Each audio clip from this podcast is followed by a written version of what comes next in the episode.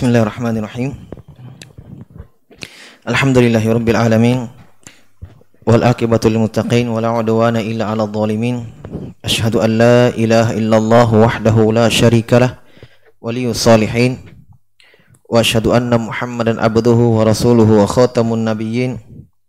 Sallallahu alaihi wa ala alihi wa ashabihi ajma'in amma ba'd. Ikhwani wa akhwati fillah rahimani wa rahimakumullah. Kita bersyukur kepada Allah Subhanahu wa taala pada malam hari ini. Allah Subhanahu wa taala masih memberikan kepada kita semuanya nikmat kesehatan dan nikmat waktu luang dan kesempatan sehingga kita masih diberikan oleh Allah Subhanahu wa taala waktu untuk mempelajari agama Allah Subhanahu wa taala. Sebagaimana biasanya pada hari Jumat kita mengkaji kitab akidah karya Ibnu Qudamah rahimahullahu taala yaitu Lum'atul I'tiqad. Dan kita telah sampai pada pembahasan penyebutan contoh-contoh sifat-sifat Allah Subhanahu wa taala. Setelah kita membahas jauh apa yang boleh sebutkan kaidah memahami sifat-sifat Allah Subhanahu wa taala beliau membawakan ayat Al-Qur'an, hadits-hadits Nabi sallallahu alaihi wasallam. Demikian pula beliau sebutkan ucapan para sahabat, ucapan para ulama yang semua menunjukkan kepada kita bahwa kaidah yang benar dalam memahami sifat-sifat Allah Subhanahu wa taala yaitu mengimaninya tanpa menolaknya dan tanpa menyerupakannya dengan makhluk dan tanpa membagaimanakannya. Diimani sebagaimana datangnya dalam Al-Qur'an dan datang dalam hadits Nabi sallallahu alaihi wa ala alihi wasallam. Beliau sebutkan contoh-contohnya ya, beliau sebutkan ayat-ayat setelah itu beliau sebutkan hadits-hadits.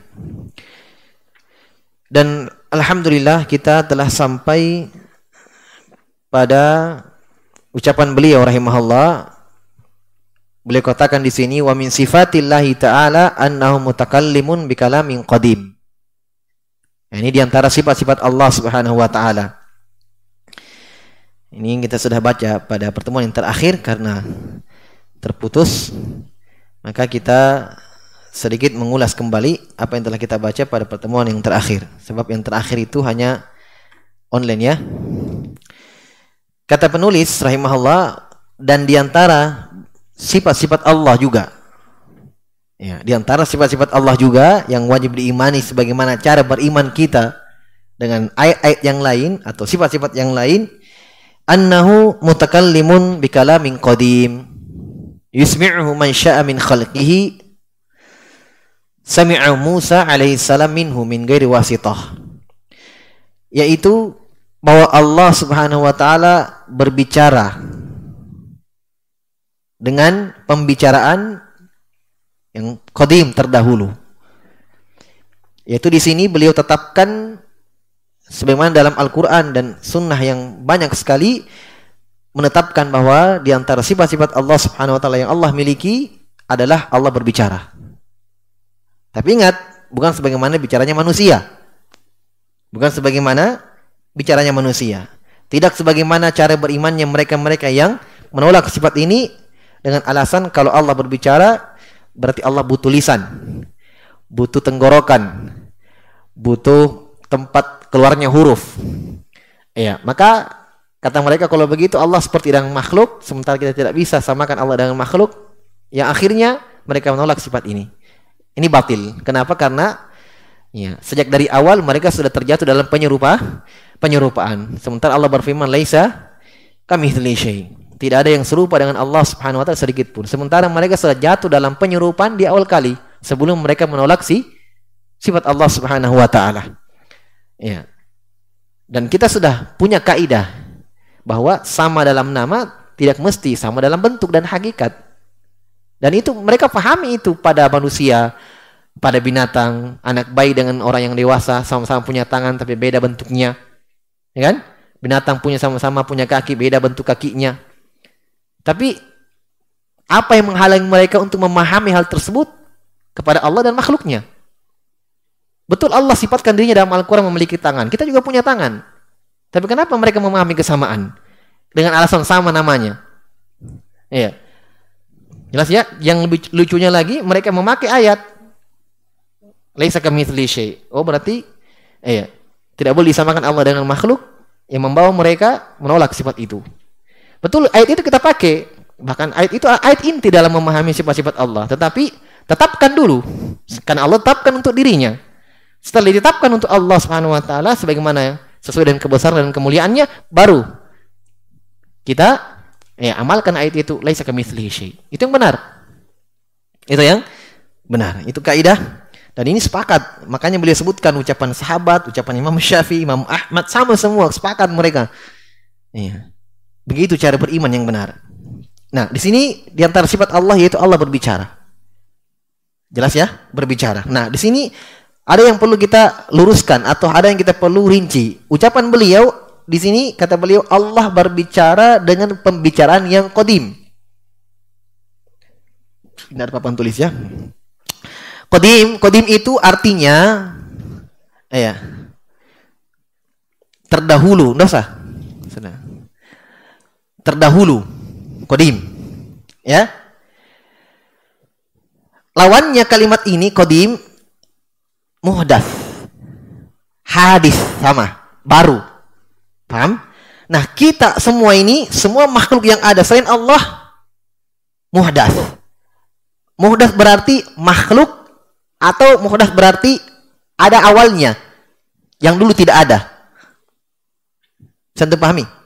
Saya jadi semua makhluk selain Allah muhdats. Jelas, jelas ya? Karena dulu tidak ada, kemudian diadakan. Nah, sesuatu yang tidak ada dulu, kemudian diadakan, itu namanya perkara yang baru. Muhdats. Tidak ada contoh sebelumnya. Makanya semua makhluk muhdats.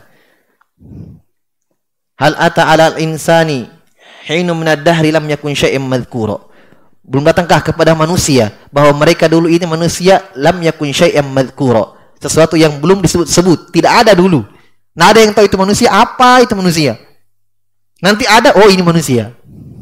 Ya, nanti dicipta oleh Allah, oh ini manusia. Dulu lam yakun syai'in madhkura. Jelas? Nah, baik, berarti kita di sini kita memahami bahwa manusia atau makhluk dan sifat-sifatnya muhdas. Baru. Baru, iya, ada. Nah, lawannya kalimat muhdas kodim. Paham? Seluruh sifat-sifat Allah Subhanahu wa taala qadim. Paham? Sifat-sifat Allah qadim. Tidak ada sifat Allah Subhanahu wa taala yang dulu Allah tidak bersifat dengan sifat itu, kemudian baru bersifat dengan itu yang dulu dia tidak mampu. Tidak ada seperti itu. Karena Allah tidak bermu karena Allah tidak bermu bermula. Ya kan? Sementara sifat-sifat Allah ada pada Allah. Paham maksudnya? Sifat-sifat Allah itu ada pada Allah Subhanahu wa taala yang tidak terpisah dari Allah.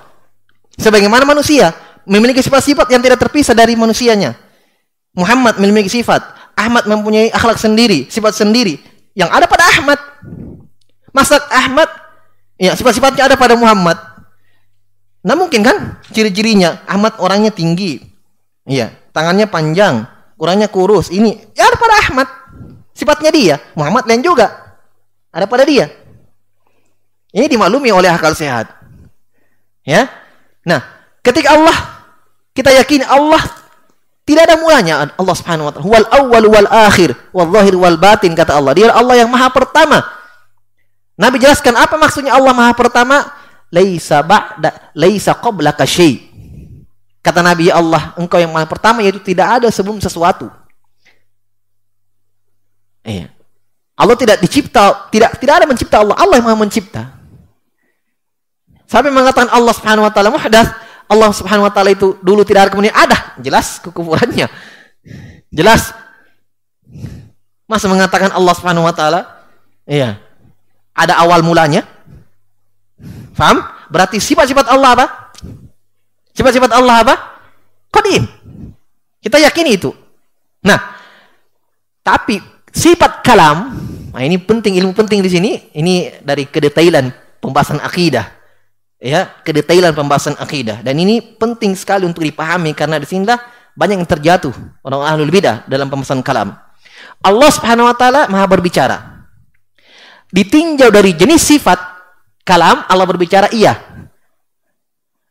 Tidak kita katakan Allah dulu tidak bicara, tidak bisa bicara, nanti Allah berbicara baru kita kata oh Allah berbicara. Tidak seperti itu. Kenapa? Karena sifat kalam pada diri Allah Subhanahu wa taala. Jadi pahami? Ditinjau dari jenisnya.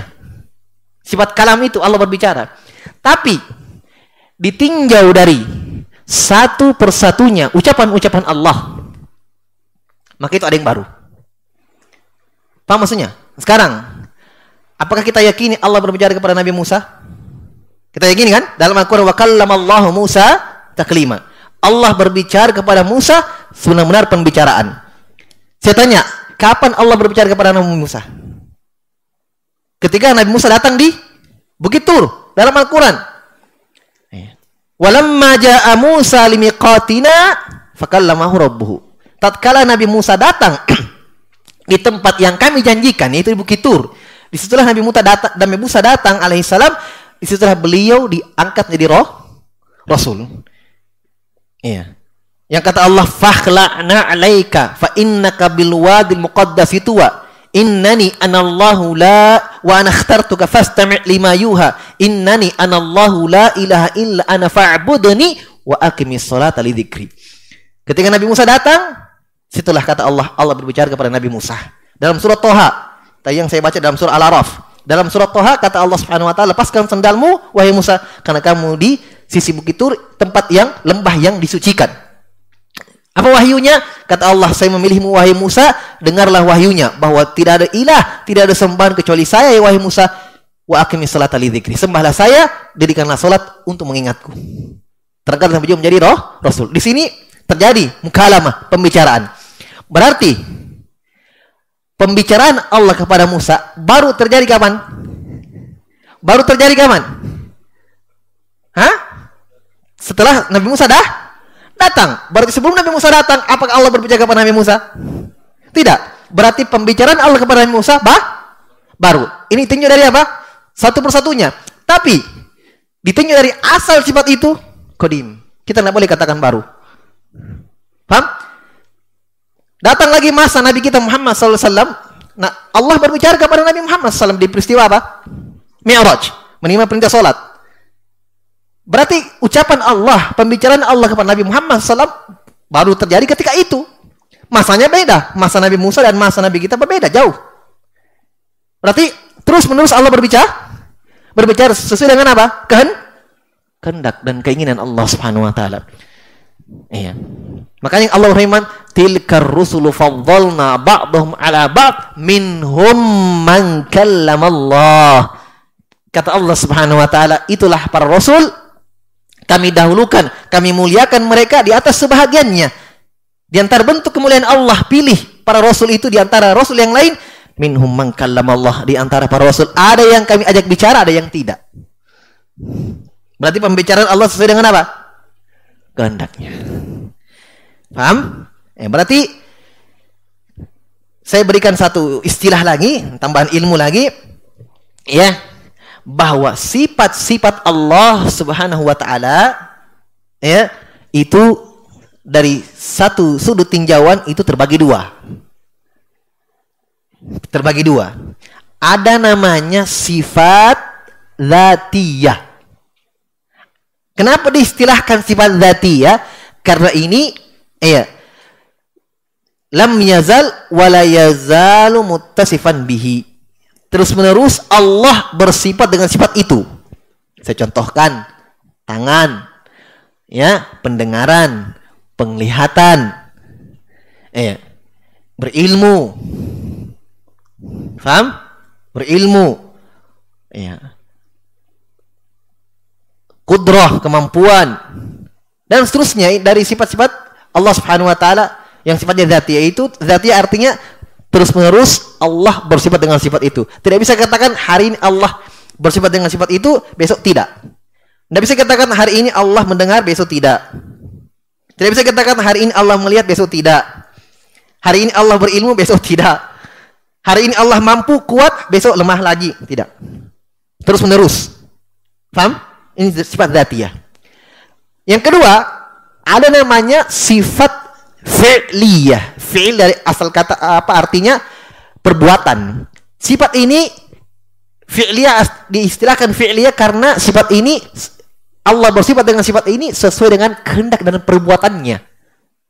Kalau Allah tidak mau, Allah tidak berbuat dengan sifat itu. Contoh, cinta. Sekarang saya tanya, apakah Allah se semua manusia dicintai oleh Allah? Hah? Tidak, ada yang Allah murkai. Orang Yahudi dan Nasrani, orang-orang kufar dimurkai oleh Allah Subhanahu wa taala, dibenci oleh Allah Subhanahu wa taala. Yang Allah cintai hanya kekasih-kekasihnya. Orang-orang yang beriman. Allahu waliyul ladzina amanu. Allah mencintai orang-orang yang beriman. Menjadi wali untuk mereka. Jelas? Berarti sifat mencintai sesuai dengan apa? Sesuai dengan apa? Perbuatan dan kehendaknya. Paham? Contoh lain, sifat ya turun. Nuzul. Kita sudah lewati kan? Hadit-hadit tentang nuzul.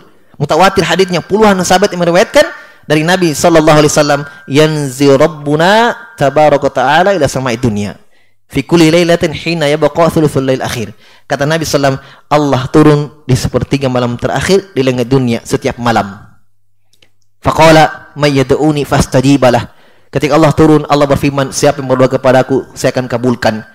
May yastaghfiruni saya memohon ampunan kepadaku saya akan ampuni pada sepertiga malam terakhir apa kata Nabi? Allah turun sepertiga malam terakhir. Turun. Bersifat fi'liyah juga. Karena sesuai dengan perbuah, perbuatan. Di satu waktu, tidak waktu yang lain. Nabi sebutkan kapan Allah turun? Sepertiga mah? Sepertiga malam. Jangan seperti orang-orang yang ada sekarang ini. Yang banyak di TV-TV ini. Nongol-nongol di TV. Dan apa sifat itu? Tidak masuk akal. Ingat, mereka punya kaidah. Ya, mereka punya dasar pijakannya itu dahulukan akal. Akal dulu. Ya, ini begini filsafat. Akal dulu, falsafah. Dapat ayat, dapat hadis, Allah turun di langit dunia sepertiga malam terakhir. Bingung dia, ada yang masih siang. Oh, enggak boleh, enggak, enggak begini pemahamannya. Ah, sudah lain. Oh, yang turun malaikatnya, oh yang turun wahyunya, oh yang turun sembarang sudah. Kenapa? Iya. Akalnya tidak mampu menerima hadis itu. Ini bukan akal yang sehat. Kenapa kamu tidak mengatakan Allah Maha Mampu dalam seluruh perbuatannya? Tidak ada yang menghalangi Allah Subhanahu wa taala. Fa'alu lima yurid. Dalam Al-Qur'an, Allah fa'alu lima yurid. Maha berbuat dengan apa yang Allah inginkan. Nabi katakan Allah turun, selesai Allah turun. Akal kalau si akal ada manusia yang ya. Dia lebih mempercayai akalnya daripada kemampuan Allah. Ini kan tidak normal akalnya. Kenapa kamu lebih bersandar kepada akalmu yang rendah, yang iya, sangat sedikit itu, yang sangat kurang itu daripada kemampuan Allah Subhanahu wa taala. Kudrah Allah. Jelas ya? ya? Berarti Allah Subhanahu wa taala turun pada waktu itu. Berarti waktu yang lain tidak, karena Nabi sebutkan seperti malam terakhir. Berarti ini turun ini seperti apa? Pada seperti malam ini apa? Sifat fi fi'liyah, perbuatan. Sesuai dengan perbuatannya, kehendaknya. Bisa dipahami? Jelas ya? Nah, itu tadi istilahnya, istilah lainnya. Qadim. Iya. Dan hadis, muhdats. Paham? Ah, sifat kalam ditinjau dari dua sudut tadi bisa ulama mengatakan bisa dikatakan sifat kalam ini pembicaraan Allah zatiyah bisa dikatakan fi'liyah. Paham? Zatiyah dari sisi mana? Apa tadi pengertian sifat dzatiyah yang terus-menerus Allah bersifat dengan sifat i? Itu berilmu, mendengar, melihat, iya. Ya kan kan Allah terus-menerus berbicara. Sekarang ketika Allah tidak berbicara kepada nabi-nabi yang lain, rasul yang lain, Allah tidak berbicara dalam satu waktu, waktu yang lain berbicara, apakah Allah bisu? Pada waktu Allah tidak berbicara, Allah tidak mampu berbicara, tertahan? Tidak. Ya kan? Berarti Allah terus-menerus bicara berbicara. Tapi dilihat dari satu tinjauan pembicaraan Allah sesuai dengan perbuah perbuatan. Saya dipahami? Baik. Nah, dari sisi mana ucapan penulis di sini kita harus perbaiki atau kita harus jelaskan yaitu pada ucapan beliau annahu mutakallamun bikalamin qadim bahwa Allah berbicara dengan ucapan yang terdahulu bisa antum pahami eh, kalimat saya bahwa ucapan beliau butuh diluruskan sedikit. Hah? kenapa? Karena beliau katakan ucapan eh, firman Allah Subhanahu wa taala. Ucapan Allah Subhanahu wa taala terdahulu terdahulu. Seakan-akan tidak ada ucapan Allah Subhanahu wa taala yang satu persatunya yang baru ini. Yang sedang kehendaknya. Dan ini semakna dengan ucapan ahlul bidah. Yang menolak sifat bicara Allah Subhanahu wa taala di orang Asy'ariyah dan semisal mereka. Mereka mengatakan kalam Allah hanya terdahulu saja, yang ada pada dirinya saja. Satu persatunya tidak ada. Sama saja Allah tidak bisa. Sama saja Allah tidak bisa bicara. Orang-orang Asy'ariyah mengatakan Allah berbicara iya, tapi kalam ucapan Allah nafsi. Apa itu kalam nafsi? Hanya ada dalam dirinya saja. Kalau kita samakan mirip dengan orang bisu. Bicara tapi tidak ada suara, tidak ada huruf. Nauzubillah. Berarti Allah hakikatnya apa? Tidak bisa? Tidak bicara. Tapi kalau ditanya, Allah berbicara, iya berbicara. Tapi kalam Allah, berbicara Allah nafsi. Istilah mereka. Subhanallah, ada saja ya nafsi hayat dalam dirinya terus kita tanya Al-Quran yang kalian baca Al-Quran yang kalian baca dari mana itu ucapan apa kata orang Asy'ariyah kata mereka Al-Quran yang kita baca adalah ibarah ungkapan yang, diucap, yang diungkapkan oleh Jibril yang dia fahami dalam diri Allah berarti Al-Quran bukan kalam Allah di sisi mereka tapi mah tapi mah makhluk karena ucapan Jibril. Jibril yang paling pertama kali mengucapkan alif lam mim dzalikal kitabul la raiba fi. Jibril. Berarti mah makhluk. Jibril makhluk. Ucapan Jibril makhluk. Ya kan? Bukan Allah. Sama orang bisu punya juru bicara. Oh dia oh lapar, eh dia lapar kasih. Seperti itu. Dia pahami dari dalam diri orang yang bisu ini dia, dia takbir, dia ucapkan. Itu Al-Qur'an. Sama saja kalian ucapkan persis ucapan kalian dengan orang-orang Jahmi dan Mu'tazilah yang mereka terang-terang membaca Al-Quran makhluk, tapi kalian tidak terang-terang mengatakan mengatakan Al-Quran makhluk. Mereka tidak terang-terangan, tapi hakikatnya sama ucapan mereka. Karena memang kalau kita tarik garis lurus ini gurunya semua ini sama. Jamin Sofwan. Makanya istilah para ulama mengatakan bahwa seluruh penyimpangan dalam nama-nama dan sifat-sifat Allah Subhanahu wa taala dikategorikan namanya Jahmiyah, sama semua. Kenapa? Karena asalnya dari situ. Hanya ini muridnya, iya, direvisi lagi. Dia renovasi lagi, jadilah Asy'ariyah. Ini dia reno, jadi Mu'tazilah. Hanya ujungnya sama. Pertama kali pentolan yang pertama kali tersesat dalam masalah ini Jahmiyah. Yang diambil Jan bin Dirham. Iya. Jan bin Dirham ini berguru kepada ya uh, seorang guru yang di, di atasnya kembali kepada Labid bin Asom orang Yahudi yang menyihir Nabi Shallallahu Alaihi itu diambil. Ya, bu jadi bukan cuma para sahabat haditsnya dari gurunya gurunya sampai kepada kita hari ini mereka juga bers bersanad. Hah? Ya, mereka juga saling mewarisi kesesatannya waliyadzubillah. Jelas ya?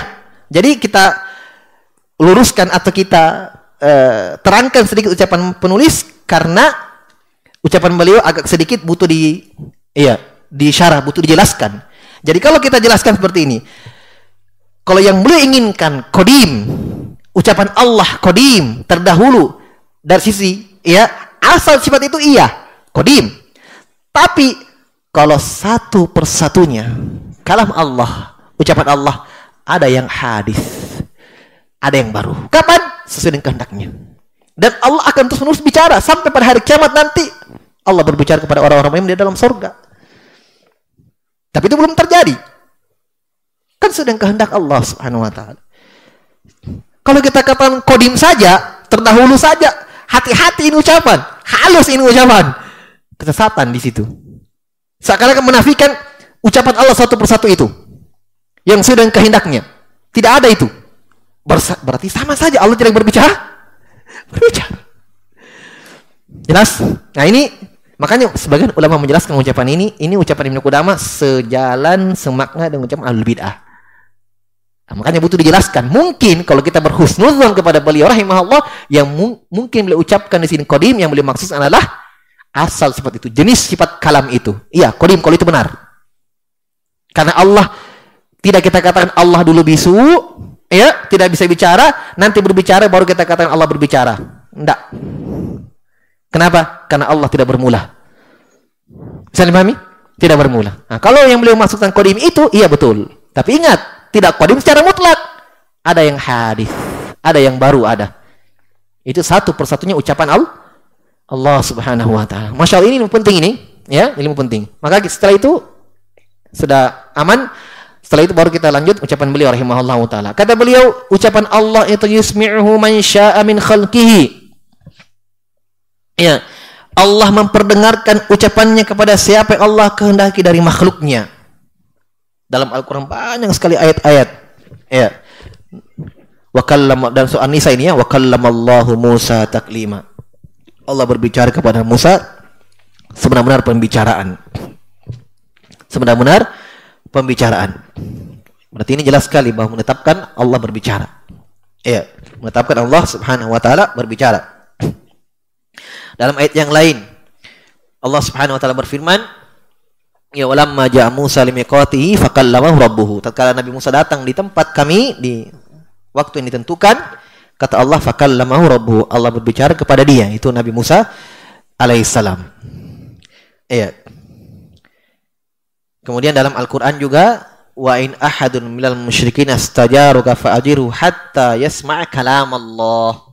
Kata Allah Subhanahu wa taala, wahai Muhammad kalau orang-orang musyrikin itu meminta izin kepadamu, izinkan mereka, biarkan mereka sampai mereka mendengarkan kalam Allah, ucapan Allah Subhanahu wa taala. Dan masih banyak ayat-ayat yang lain yang seluruhnya menetapkan apa? Allah Subhanahu wa taala itu ber, berbicara. Sini beliau jelaskan bahwa pembicaraan Allah Subhanahu wa taala itu kadang Allah perdengarkan kepada siapa yang Allah kehendaki dari makhluknya. Sami'ahu Musa alaihissalam minhu. Allah Subhanahu wa taala memperdengarkan dan Nabi Musa mendengarkan dari Allah Subhanahu wa taala. Ini isyarat kalau kita pahami yang kita jelaskan tadi beliau isyaratkan bantanin kepada siapa kira-kira? Ketika dikatakan Nabi Musa mendengarkan suara dari Allah, berarti bantahan kepada siapa? Orang-orang Asy'ari Syariah mengatakan apa? Kalam Allah tanpa suara tanpa huruf. Dibantah di sini.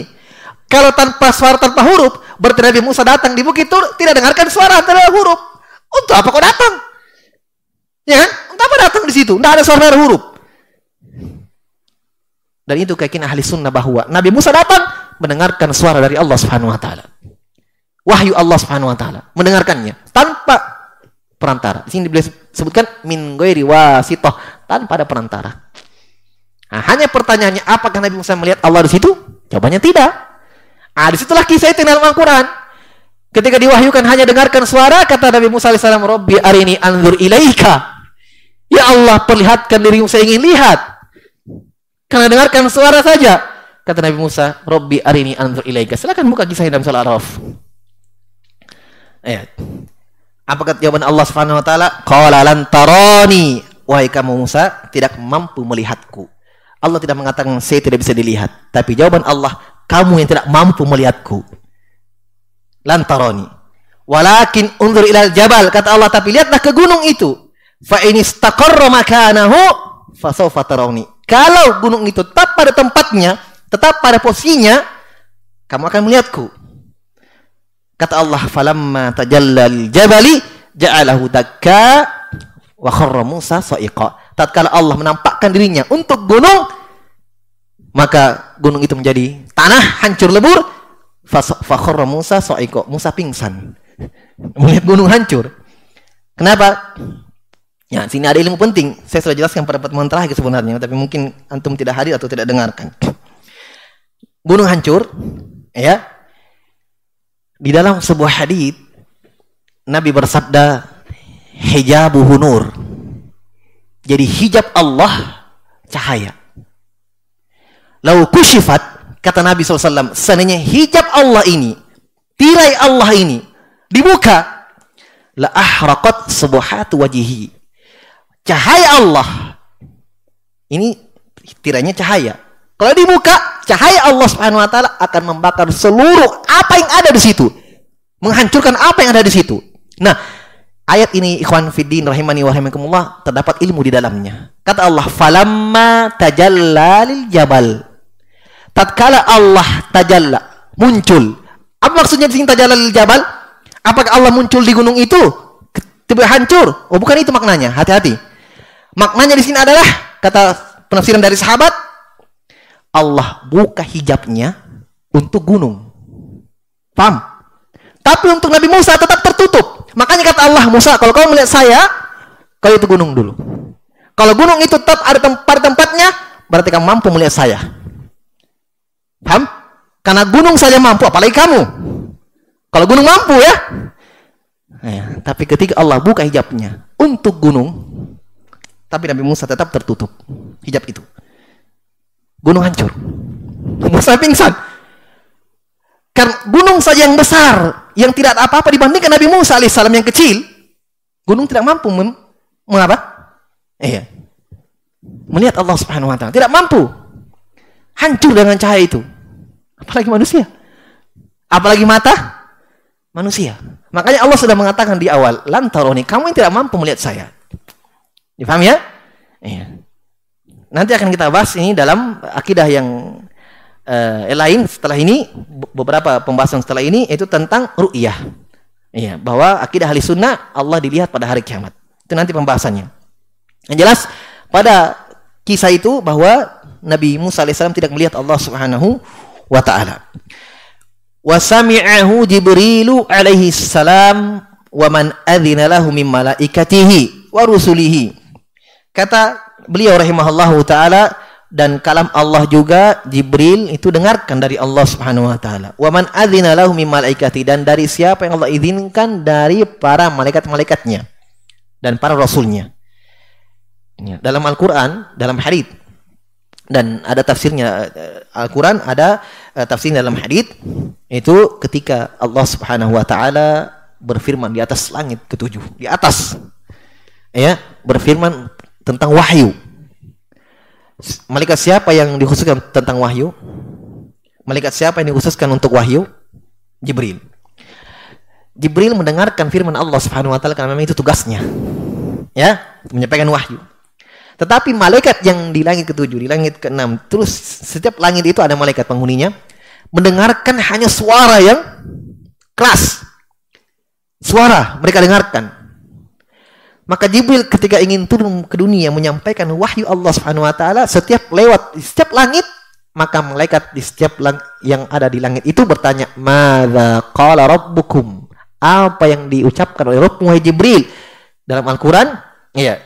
"Madza qala rabbukum?" Qalul qalul haqq wa huwal aliyyul kabir. Jibril menjawab, "Allah Rabb kalian berfirman dengan kebenaran dan Allah Maha tinggi lagi Maha besar." Turun di langit keenam gitu juga. Ya, penghuni langit keenam bertanya, "Mana kalau rabbukum ya Jibril?" Apa yang difirmankan oleh Allah Subhanahu wa taala Jibril? Jibril menjawab, "Qaulul haqq wa huwal aliyyul kabir." Allah berfirman dengan kebenaran. Allah Maha tinggi lagi Maha besar dan seterusnya. Jelas ya? Ya. Taib. Kemudian kata beliau warusulihi dan sebagian rasulnya. Jadi ada yang diperdengarkan, ada yang diajak bicara. Makanya Nabi Musa diistilahkan kalimullah. Nabi yang diajak bicara oleh Allah. Demikian pun Nabi kita Muhammad SAW juga diajak bicara oleh Allah Subhanahu Wa Taala tanpa perantara. Kemudian kata beliau, wa annahu subhanahu yukallimul mu'minina fil akhirah. Dan Allah Subhanahu wa taala akan mengajak bicara orang-orang yang beriman di akhirat dan ini jelas. Ya. Dalam hadis kata Nabi sallallahu alaihi wasallam, Ma minkum min ahadin illa sayukallimuhu rabbuhu laysa bainahu wa bainallahi turjuman. Kata Nabi SAW, tidak ada di antara salah seorang di antara kalian pun yang pasti akan diajak bicara oleh Allah Subhanahu wa taala. Tidak ada antara dia dan Allah penerjemah. perantara. Ini ingat, ini mukalamah hisab. Faham? Mukalamah hisab. Pembicaraan yang bermana hisab dan ini semua akan didapatkan oleh semua manusia walaupun kafir. Tidak ada yang lolos di sini. Jelas? Ini hisab semuanya. Tetapi dalam Al-Qur'an untuk orang-orang kafir dinafikan la yukallimuhumullahu yaumal qiyamah wa la wa alim. Allah berfirman, mereka tidak diajak bicara oleh Allah Subhanahu wa taala dan mereka tidak akan disucikan, mereka akan mendapatkan siksaan yang pilih. Pembicaraan apa di sini? Pembicaraan nikmat. Nah, ini. Ini hanya orang beriman yang dapat. Beda ya? Pembicaraan mukalamah, mukalamah, hisab, kalau ini umum orang kafir pun dapat ini. Tapi ini hisab, ditanya hartamu di mana kau belanjakan, kamu dapatkan dari mana semuanya. Jelas? Tapi ada pembicaraan yang khusus, pembicaraan nikmat. Ini untuk, hanya untuk orang-orang yang beriman di dalam sorga. Di antaranya dalam hadis Suhaib bin bin Sinan dalam Sahih Muslim, Allah datang kepada penghuni sorga ketika mereka masuk ke dalam sorga. Allah berfirman kepada mereka, mau kasih tambahkan untuk kalian nikmatku. Maka penghuni sorga menjawab, nikmat apa lagi ya Allah? Bukankah engkau telah masukkan kami ke dalam sorga? Bukankah engkau telah memutihkan wajah-wajah kami? Maka kata Nabi SAW, Allah membuka hijabnya, memperlihatkan wajahnya di depan penghuni sorga. Nabi membaca firman Allah Subhanahu wa taala, "Lilladzina ahsanul husna wa ziyadah." Untuk orang-orang yang beriman, mereka dapatkan husna itu sorga wa ziyadah dan ada tambahannya. Apa tambahannya? Melihat Allah Subhanahu wa taala. Nabi baca firman Allah dalam surah Yunus itu tadi. Ya, karena mereka sudah di dalam sorga, kata Allah, kamu saya tambahkan nikmatku. Penghuni sorga mengatakan, wah nikmat apa lagi kira-kira ini? Sudah dalam sorga ini. Ya, Allah Nabi membaca firman Allah lilladzina ahsanul husna wa ziyadah. Untuk orang-orang yang beriman, untuk mereka sorga dan ada tambahannya dan ini puncak kenikmatan di dalam sorga. Tidak sempurna kenikmatan sorga tanpa itu. Melihat Allah Subhanahu wa taala pada hari kiamat. Taib. Nah, ini pembicaraan nikmat ini. Nah, ini yang dimaksud di sini. Wa yukallimuna dan mereka juga orang-orang beriman akan berbicara kepada Allah pada hari kiamat. Ya, dan ini banyak hadis-hadisnya fayazuruna. Kemudian Allah mengizinkan kepada mereka, mereka menziarahi Allah. Ini hadisnya lemah. Ini hadisnya doif. Ada hadis dari, dari Abu Hurairah tapi hadisnya lemah. Dan ini yang beliau maksudkan. Bahwa Allah mengizinkan untuk orang beriman menziarahi Allah Subhanahu wa taala. Ini doif hadisnya. Tidak bisa dikuatkan. Ya. Dari Abu Hurairah dikeluarkan oleh Ibnu Majah dan selainnya. Ya, di dalamnya ada rawi yang lemah. Taib. Syekh Albani rahimahullah melemahkan hadisnya. Qala Allah Ta'ala, Allah berfirman wa kallamallahu Musa taklima. Allah Subhanahu wa taala berbicara kepada Nabi Musa takliman, dikuatkan. Sebenar-benar pembicaraan hakiki, betul-betul bicara. Taklima. Ya, lagi-lagi ahlul bidah, ya subhanallah ayat ini dipalingkan karena tidak sejalan dengan akidah mereka bahwa Allah tidak bicara Terus ayat ini, ah, mereka ganti harokatnya. Subhanallah. Sampai seperti ini ya. Membuat orang itu betul-betul tertutup betul. Ya. Wa Allahu dalam Al-Quran mushaf kita di dommah lafzul jalalah Allahu. Kalau di dommah dalam ilmu bahasa Arab Allah pelakunya. Subjeknya, Musa objeknya. Dalam bahasa Arab baca dommah. Wa Allahu Musa taklima. Ah. Jelas? Dia baca wa kallamallaha Musa taklima. Berarti kalau Allah berarti Allah bukan subjek tapi objek. Berarti yang berbicara siapa mu? Musa. Ini yang bicara siapa? Allah. Demi untuk selamat dari ya. Demi untuk agar tidak terhujai dengan ayat ini. Sudah, palingkan harokatnya. Palingkan harokatnya. Jadi jadi dalam ayat ini Musa yang berbicara kepada Allah, bukan Allah. Karena kalau Musa harokatnya kan dia sin bengkok. Jadi dia mau di doma, mau di fathah tetap seperti itu fathah karena huruf terakhir Musa itu alif dan alif tidak boleh tidak bisa diharakati. Ya kan? Ya berarti Musa terus. Musa tidak pernah musu, Musa'u. Tidak pernah Musa'a atau Musa'i. Tetap Musa. Alif bengkok tidak bisa diharakati. Jadi sudah. Ya. Musa yang objek tetap di fathah, Allah di fathah, ya dia objek. Ya Musa yang subjeknya menurut mereka. Taib. Dan ini akidah yang batil ya tidak benar. Dan ayat ini hujah atas mereka. Hujah atas mereka yang menolak Allah berbicara. Wa qala subhanahu ya Musa Inni istafaituka 'alan nasi bi risalati wa bi kalami. Dalam ayat yang lain surah Al-Araf kata Allah Subhanahu wa taala, "Ya Musa, wahai Musa, inni istafaituka 'alan nasi bi risalati wa bi kalami." Wahai Musa, saya memilihmu terhadap manusia dengan risalahku dan dengan ucapanku. Ya, penetapan ucapan Allah Allah Subhanahu wa taala. Ini di antara ayat-ayat ya. Itu pun cuma sebagian kecil ya ayat yang boleh sebutkan tentang kalam. Banyak sekali dalam Al-Qur'an. Wa qala subhanahu minhum man Allah. Dalam surah Al-Baqarah kata Allah di antara mereka yaitu para rasul man Allah. Ada yang diajak bicara oleh Allah. Qala subhanahu Allah berfirman, "Wa ma kana li basharin an yukallimahu Allah illa wahyan aw min wara'i hijab." Kata Allah Subhanahu wa taala, tidak ada manusia yang Allah ajak bicara kepadanya kecuali itu wahyu. Atau ada juga yang diajak bicara miwaroi hijab dari balik hijab tabirnya Allah. Paham? Ya, itulah seperti Nabi kita Muhammad SAW dan Nabi Musa alaihissalam. Allah bicara kepada mereka, ya, mereka tidak melihat Allah. Miwaroi hijab. Miwaroi hijab. Masya Allah. Intinya di situ dikatakan yukallimahullah. Allah berbicara kepada yukallimuhullah, Allah berbicara kepada kepada sebagian nabi dan rasul. Wa qala subhanahu falamma ataha nudiya ya Musa inni ana rabbuka. Ya. Kata Allah Subhanahu wa taala tatkala Nabi Musa datang nudiya dia dipanggil ya Musa. Nah, ini sebenarnya ayat ini dari fikih penulis beliau sebutkan ayat per ayat tidak sembarangan dia pilih ayatnya tentang kalam. Ada titik bantahan di sini sebenarnya. Seperti di sini dia pilih beliau dia, dia beliau memilih ayat dalam surat Toha. Tatkala Musa datang alaihissalam nu dia dipanggil. Ini bantahan kepada orang-orang yang menafikan suara dan huruf dari Allah.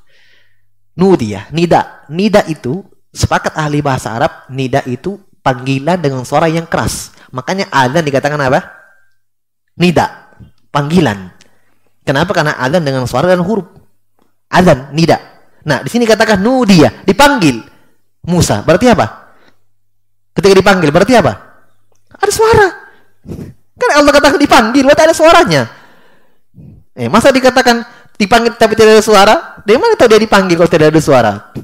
Jelas ya, ini pantahan ini. Nudia berarti ada suara. Berarti Nabi Musa mendengarkan suara suara. Apa suara panggilannya? Ya Musa, wahai Musa, ini ana rabbuka. Saya adalah Rabbmu. Ya, saya adalah Rabbmu. Taib. Ayat yang terakhir innani anallahu la ilaha illa ana fa'budni. Itu kata Allah, saya adalah Rabbmu, tidak ada sembahan kecuali saya, sembahlah saya. Kata beliau wa ghairu wa ghairu jaizin hadza ahadun ghairullah. Ini semua ayat-ayat yang disebutkan tadi sebelumnya ya tidak mungkin dikatakan ya kecuali pasti Allah Subhanahu wa taala. Tidak bisa dikatakan kecuali Allah Subhanahu wa taala. Tidak bisa kita katakan orang yang berbicara di situ. Karena dia katakan, "Wahai Musa, saya rohmu." Nah, ini bantahan kepada orang-orang Jahmiyah dan Mu'tazilah. Mereka mengatakan, orang-orang Jahmiyah dan Mu'tazilah mengatakan, ditanya, Allah berbicara? Iya. Tapi kata mereka Mu'tazilah, Allah berbicara khaliqun lil kalam. Allah menciptakan ucapannya. Maksudnya bagaimana? keluar ucapan Allah dari pohon. Allah ciptakan seperti Allah ciptakan laut, Allah ciptakan bintang, Allah ciptakan ikan-ikan di lautan. Seperti itu, Allah ciptakan kalamnya sendiri. Jadi kalam Allah makhluk. Nauzubillah. Nah, ini bantahan kepada mereka. Kalau ucapan Allah, iya, bukan Allah yang ucapkan dari pohon, dari masa di sini, iya dikatakan anallah, ana rabbuk. Berarti kalau seperti orang-orang Mu'tazilah katakan ucapan Allah dari pohon, berarti pohon yang mengatakan kepada Musa ana rabbuka. Ya, di sini kan ucapannya ana rabbuka. Serobmu. Masa pohon mengatakan, "Wahai Musa, saya robmu?" Ya. Jelas ya, ini bantahan. Taib. Setelah itu beliau akan sebutkan uh, asar-asar dari sahabat dan hadith-hadith. Insyaallah kita lanjutkan pada pertemuan selanjutnya. Wallahu a'lam bishawab. Subhanakallahumma bihamdik asyhadu an la ilaha illa anta astaghfiruka wa atubu ilaik. Wa akhiru da'wana alhamdulillahirabbil alamin.